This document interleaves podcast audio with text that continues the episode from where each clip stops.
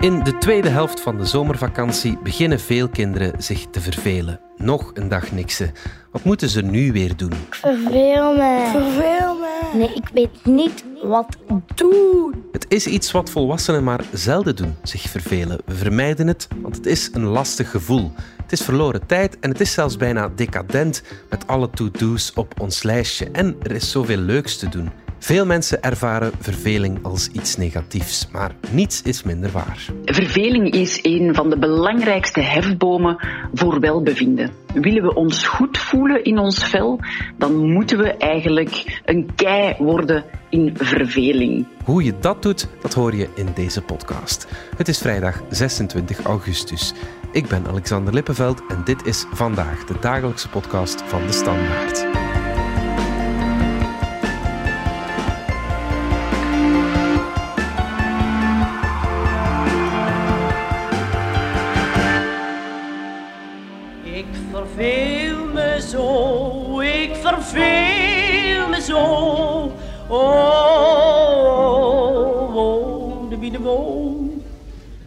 Beeld je even in. En ja, je mag daarvoor je ogen sluiten. Je zit in de zetel met een kopje koffie en je hebt niets te doen. Werkelijk niets. Niets. Je leest geen boek, je maakt geen boodschappenlijstje of plannen voor de rest van de dag. En nee, je bent ook niet op je smartphone aan het scrollen. Je neemt enkel af en toe een slokje koffie en je staart voor je uit, urenlang. Is het iets voor jou? Doe je het wel eens? Ik verveel me zo. Ik ben Veva Mertens. Dit is Veva, een zestiger en ze is op verveelvakantie. Ik heb een vakantie van bijna zes weken. En mijn doelstelling was om deze vakantie is eigenlijk niks te doen. Ik zou mij gaan vervelen. Ik had gedacht in een soort zaligmakende zen-status geraken, waarin ik door niks meer getriggerd word, van van daaruit, vanuit die leegte, nieuwe ideeën gaan ontstaan. Maar dat is het dus niet. En ik zit nu eigenlijk in week twee en ik kom tot de constatatie dat mij vervelen, dat dat eigenlijk een heel uh, moeilijk gegeven is. Ik zou mij eigenlijk moeten gaan oefenen in verveling, want uit mezelf lukt het me niet. Ik heb uh, de hele tijd heel veel triggers om van alles te doen. Ik moet mij echt inhouden om een heleboel zaken niet te doen. Hè? Maar ik ben dat aan het proberen. Hè? Veva is niet de enige die verveling zo lastig vindt. Dat zegt VUB-professor psychologie Elke van Hoof. De meeste mensen beginnen zich ambetant te voelen omdat we verveling dus associëren met vervelend. We gaan ons onrustig voelen. We hebben het gevoel ook dat we minder ja, waard zijn, succesvol zijn als we ons aan het vervelen zijn. Dat is omdat de meeste mensen eigenlijk niet met zichzelf willen geconfronteerd worden. Want als je van de fase van concentratie gaat naar de fase van verveling, dan komt er eerst een soort van onvrijwillig schieten van allerhande gedachten en, en dingen in uw brein. Ik zou mijn keukenkasten nog eens moeten uitkuisen. Oh, de vaatwasser herstellen wordt heel dringend nu. Doe ik mijn job eigenlijk nog wel graag? Oei, ik heb al een week niet naar mijn moeder gebeld. Oh, ik zou die muur dringend moeten schilderen. Ben ik eigenlijk wel gelukkig met mijn partner? Oh, er hangt er precies een spinnenweb. Die poppen ineens op als paddenstoelen uit de grond. Moesten we nu naar die oppoppende gedachten kunnen kijken alsof het wolken zijn die passeren aan de hemel, dan gaat die fase ook veel sneller voorbij. En dan kom je in de fase van hè, die verveling. Die ruststand van ons brein ligt dus voorbij de lastige gedachten. Je kan het vergelijken met de zee. Het is alsof dat je naar de zee gaat en de zee is wild. En je moet door die golfslag, vooraleer dat je op de rustige zee je rug kunt gaan liggen en wat dobberen terwijl je naar de blauwe lucht ligt te staren. Dat we door die golfslag moeten, maakt eigenlijk dat heel veel mensen verveling willen vermijden. Ik haak af en ik denk, oké, ga dan terug wel lezen, of ik ga uh, naar muziek luisteren, of ik ga schilderen. Om misschien inderdaad die zaken, om dat een stukje van u af te schuiven. Ik denk dat dat misschien ook juist een manier is om te zeggen van, ik ga niet in die verveling mee, omdat je kunt over heel veel veel dingen piekeren. Hè. Misschien had ik zaken anders moeten aanpakken of misschien had ik die dingen niet moeten doen. Ik denk ook dat verveling kan ook wel interessant zijn als je het meer vanuit zo'n een psychologisch standpunt bekijkt. Dat je zegt van kijk, ik ga mij vervelen, want met die verveling ga ik een stuk aan introspectie doen. En ja, soms is dat voor, voor mij en, en misschien ook voor tal van andere mensen, is dat ook een moment van, van confrontatie. Hè? En, en gaat je dat eigenlijk willen negeren. Maar als je dus door die golfslag weet te zwemmen, dan schiet je creativiteit in actie. Dan gaat je brein meanderen. Verveling is vervelend, maar het is nodig om te komen tot de fase van rust, waarin eigenlijk uw brein gaat meanderen. En ik vind dat eigenlijk een heel mooi woord. Hè. Zoals een rivier meandert. Uw brein zoekt eigenlijk nieuwe associaties, omdat het water door, ja, door de natuur gaat. De vonkjes gaan door uw brein, door alle netwerken heen en gaat kijken welke netwerken eigenlijk ook mooi kunnen aanleunen tegen elkaar. En het is vandaar dat onze creativiteit wordt gevoed. Hè. Dat meanderen is iets dat trouwens al heel lang bestaat binnen de psychologie, want dat is iets van William James, die dat als eerste heeft naar voren gebracht. Dat is een van de belangrijke psychologen in Amerika. Amerika. En dus dat toont ook dat we binnen de psychologie met het belang van verveling eigenlijk best lang bezig zijn. Je af en toe vervelen maakt je niet alleen creatiever, maar ook succesvoller, zegt Van Hoof. Die verveling die zorgt ook dat we een vermogen kunnen aanscherpen om te visualiseren. Om in de toekomst dingen te kunnen al in ons hoofd zien. En die kunst om zaken te kunnen visualiseren, dat is een basisvoorwaarde om succesvol te zijn. Als je gaat kijken naar topsporters bijvoorbeeld, gaan we niet alleen topsporters trainen met spieren, met houding, met uithouding, maar we gaan ook vragen aan topsporters om te dromen, om te visualiseren wat zij gaan doen. Om al te dromen van het overwinnen tijdens een wedstrijd. En hoe beter dat ze dat doen, hoe beter dat het brein wordt voorbereid en hoe meer kans dat je ook werkelijk succes gaat hebben. Meer nog, we kunnen zelfs aannemen dat wie zich af en toe verveelt, meer momenten van geluk ervaart. En dat komt volgens de professor omdat verveling gelinkt is aan aandacht. Over verveling aan zich is nog heel weinig wetenschappelijk onderzoek gedaan. Dat is iets anders voor pauzes nemen, voor herstel en voor aandacht. Hè. Het probleem is dat we vandaag onze aandacht spreiden over zoveel verschillende dingen dat we het vermogen om ons te concentreren verliezen. En, zo besluit Van Hoof, je moet je voldoende kunnen concentreren op je positieve emoties om ze te ervaren. Verveling is een van de belangrijkste hefbomen voor welbevinden. Willen we ons goed voelen in ons vel, dan moeten we eigenlijk een kei worden in verveling. Dat is eigenlijk omdat verveling direct gelieerd is aan aandacht. Je moet je aandacht kunnen schenken aan positieve emoties die je ervaart in je lichaam en in je brein, om welbevinden te kunnen ervaren. Om het nu heel simpel voor te stellen, is je hebt aandacht nodig om een positieve emotie, zoals blijdschap, voldoende goed te kunnen voelen, zodanig dat je brein kan interpreteren, oh, je bent blij. En dus die strijd om aandacht, die interfereert met ons welbevinden door alle smart devices en de social media, doordat heel onze maatschappij strijdt om onze aandacht. En als we dus steeds meer bezig zijn met andere dingen, verliezen we het vermogen om aandacht te hebben en aandacht betekent eigenlijk concentratie. En je hebt dus voldoende concentratie nodig om positieve emoties te ervaren. Geluk, blijdschap, rust. We gaan er even uit voor reclame. Ondernemen. Het start altijd met een idee. Dat was dan het idee van we moeten een verzorgingsproduct maken dat eerst en vooral goed werkt, dat ook wel helemaal gezond is en ook goed is voor de planeet. Acteur Matthijs F. Schepers sprak met vijf jonge ondernemers die duurzaamheid hoog in het vaandel dragen. Zoals Thomas en Hilde van het verzorgingslabel Ray. Benieuwd hoe deze starters hun ideeën hebben waargemaakt? Ontdek De Waarmakers, een podcast van Proximus. Proximus. Think possible. Zo, we gaan ons weer eh, wat vervelen. En wie zich af en toe wel eens verveelt, dat is de Gentse professor filosofie Injaas de Vis. Niet omdat hij onvoldoende werk heeft. Ik noem dat mijmeren. Dat doe ik frequent, omdat ik het fijn vind en omdat het mij ook vaak overkomt. Ik heb bijvoorbeeld de luxe om midden in de stad toch een tuintje te hebben. En daar kan ik wel eens op welk uur van de nacht dan ook zitten recht voor mij uitkijken.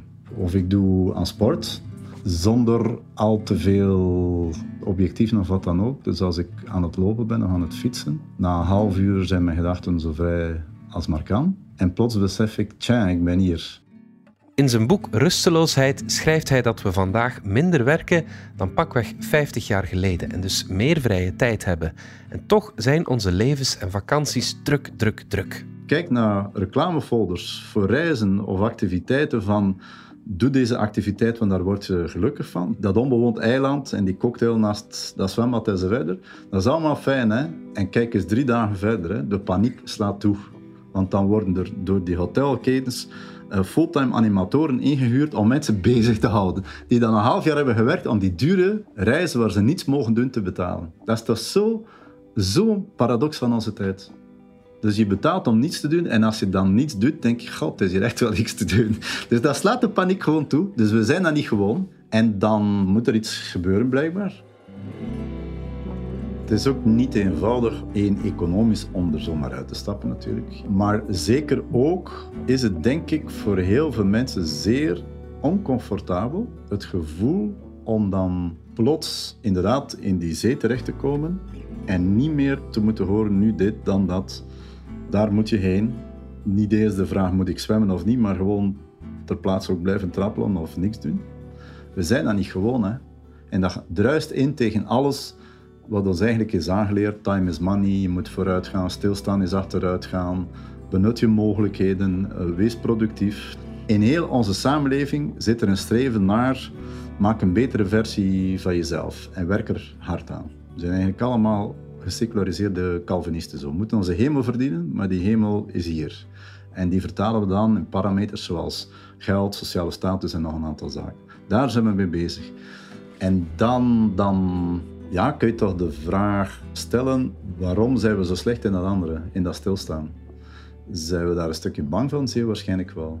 Intussen heerst er een pandemie van burn-outs, slapeloosheid en depressies. Onze maatschappij zou gebaat zijn met mensen ja, die zich af en toe vervelen. Als je de symptomen bekijkt van mensen met burn-out, depressie, slapeloosheid, noem maar op, dan zie je dat we een patroon hebben ontwikkeld waar we heel hard tegen de muur rijden, al heel lang, een paar decennia. We blijven die twee decennia lang al zeggen dat het anders moet, maar we blijven wel hetzelfde doen. Dus mocht verveling en iets van maatschappelijke organisatie die dat mogelijk maakt, daarin een kentering kunnen brengen, en het zal denk ik op de een of andere manier ook zo moeten zijn, dan zou dat een zeer goede zaak zijn. Want je merkt ook bij heel veel mensen de nood eraan.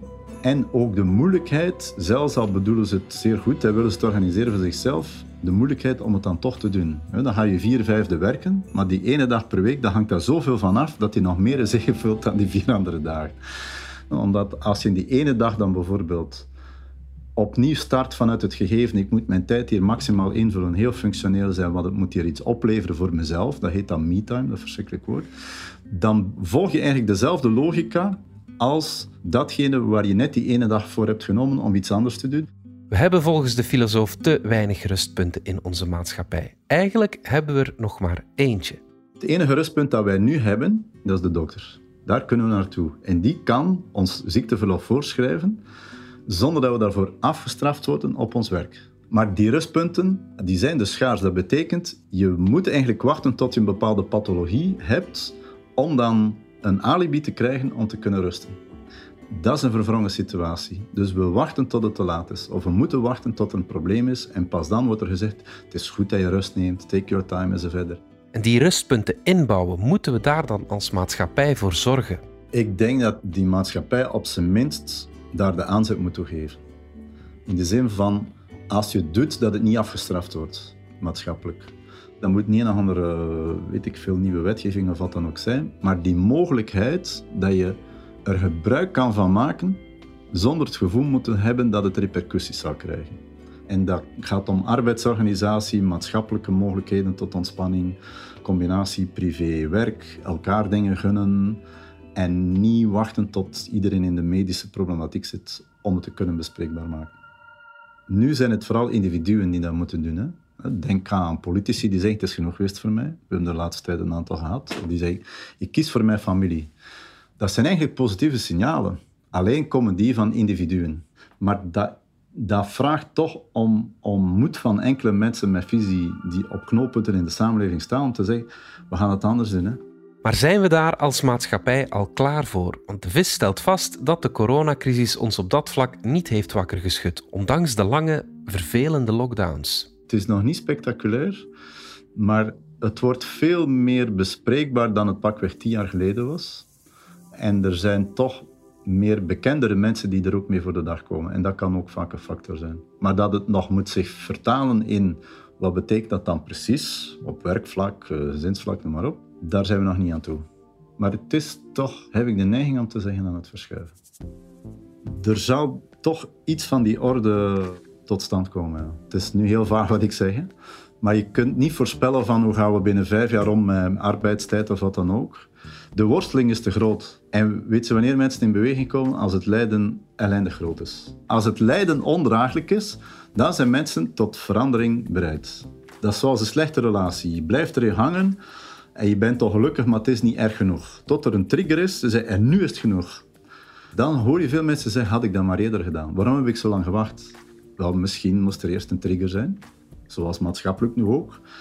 Zeer alarmerende cijfers, depressie, burn-out enzovoort. Wel, misschien moeten ze nog slechter zijn. Dat klinkt verschrikkelijk wat ik nu zeg, maar ik zou liever hebben dat we het dan twintig jaar geleden hadden ingezien. En we weten het, op kennisniveau geen probleem. Maar op gedragsniveau, hmm, dat lukt nog niet. Dus misschien moeten we nog eens harder ergens tegenaan lopen of zo. Ik hoop van niet, hè. Nog even terug naar Veva, onze zestiger die met verveelvakantie is. Ze heeft geen idee of het haar zal lukken om zich zorgeloos te kunnen vervelen tijdens die vakantie. Maar ze hoopt wel dat ze iets leert dat ze zal kunnen meenemen in haar druk dagelijkse leven. Ik ga nu proberen om te zien of het mij lukt. En hopelijk lukt het mij om van daaruit dan inderdaad op een andere manier in je dagelijks leven ja, te leven eigenlijk, hè, met, de, met de dingen om te gaan. Hè. Ik denk dat ik nog moet volhouden. Hè. Je zit in een soort red race, je zit in een bepaalde dynamiek. Je hebt een structuur in je leven. Hè. Ja, ik ben ondertussen uh, eh, 60 jaar, dus je hebt dingen opgebouwd, je hebt structuren opgebouwd. Dus om daar eigenlijk dat helemaal los te koppelen, dat kun je volgens mij niet in zes weken. Daar heb je misschien jaren voor nodig. Maar zo leert psychologe Elke van Hoof ons nog Eigenlijk is Veva's opzet fout, want een verveelvakantie kan nooit een ideale vakantie worden. Daarvoor moeten we de drie standen van ons brein gebruiken: rust, concentratie en aanmodderen. Een ideale vakantie bestaat uit een combinatie van prikkelende dingen, dingen op automatische piloot en witte tijd. En witte tijd, dat vult zichzelf wel in. Dat is de uitnodiging aan uw brein om te gaan meanderen. Dus een lege vakantie, is een vervelende vakantie. Want we krijgen daar stress van, omdat ons lichaam dat eigenlijk niet aan kan. Ons lichaam gaat signalen sturen van, oh, dit, dit werkt niet. En dan krijg je weer negatieve stress die naar boven komt. En wil je die negatieve stress dus echt vermijden, dan is het ideale vakantierecept de combinatie van prikkelende dingen, dingen op automatische piloot en witte tijd installeren. Dit was vandaag de dagelijkse podcast van de Standaard. Bedankt voor het luisteren. Volg ons op Spotify, Apple Podcast of eender welk ander podcastplatform. In onze gratis app DS Podcast kan je niet alleen ons werk beluisteren, maar ook de beste podcasttips voor op vakantie of ergens onderweg. Met zorg geselecteerd door onze redacteur Max de Moor. Alle credits van de podcast die je net hoorde vind je op standaard.be-podcast. Reageren kan via podcast.standaard.be. Maandag zijn we opnieuw.